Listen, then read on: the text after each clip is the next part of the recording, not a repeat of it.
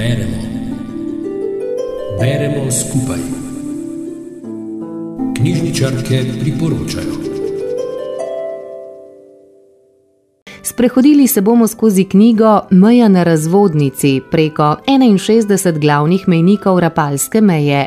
Knjiga Dušana Škodiča je išla pri Planinski zvezi Slovenije in je nastala ob stoletnici Rapalske meje. Dušan Škodič je tehnolog poštnega prometa in navdušen planinec. Je član uredniškega odbora Planinskega vestnika in ustanovni član zgodovinskega društva Rapalska meja. Knjiga je planinsko-zgodovinski vodnik, bogato opremljena z arhivskimi in aktualnimi fotografijami ter opisuje dostop do 61 glavnih mejnikov Rapalske meje na ozemlju Slovenije. Pot se vije od tromeje Slovenije, Italije in Avstrije na peči nad Ratečami do ostankov nekdanje vojašnice na Paravičevi mizi v snežiških gozdovih v bližini meje s Hrvaško.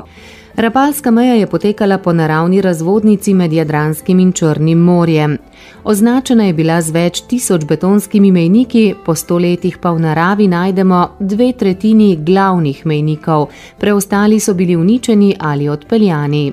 Ostanki in dediščina krivične meje so vidni tudi v propadajočih objektih, planinskih kočah, mulatjerah. Rapalska meja je bila prava gorska meja. Povprečna višina glavnih menikov je okrog 1300 metrov, hkrati pa prečka tudi globoke doline. Dostopi do nekaterih glavnih menikov so zelo lahki, drugi, predvsem v visokogorju, pa zelo zahtevni, naprimer na visoko ponco.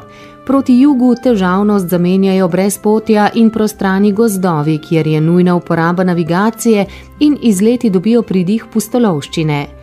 Avtor je leto dni hodil po terenu, da je opisal vseh 61 poti. Še veliko dlje pa je trajalo brskanje po zgodovinskih arhivih in zbiranje podatkov ter zgodb ljudi. Knjiga Meja na razvodnici ni le planinski vodnik, odkriva nam tudi življenje na obeh straneh takratne rapalske meje. Med drugim se je pojavilo tihotapstvo, kontraband, zaradi česar so ljudje tvegali tudi zapor. Avtorjeva želja je, da nas vodnik spodbudi k obisku krajev ob rapalski meji, pa tudi, da podoživimo zgodovino in usodo nekdanjih obmejnih krajev, pravi Tatjana Brtonca Liškofeloške knjižnice Ivana Tavčarja, ki se je za nas z besedo sprehodila po meji na razvodnici.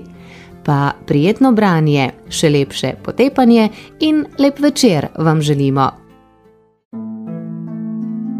Rubrika Beremo skupaj nastaja v sodelovanju z Radijem Sora.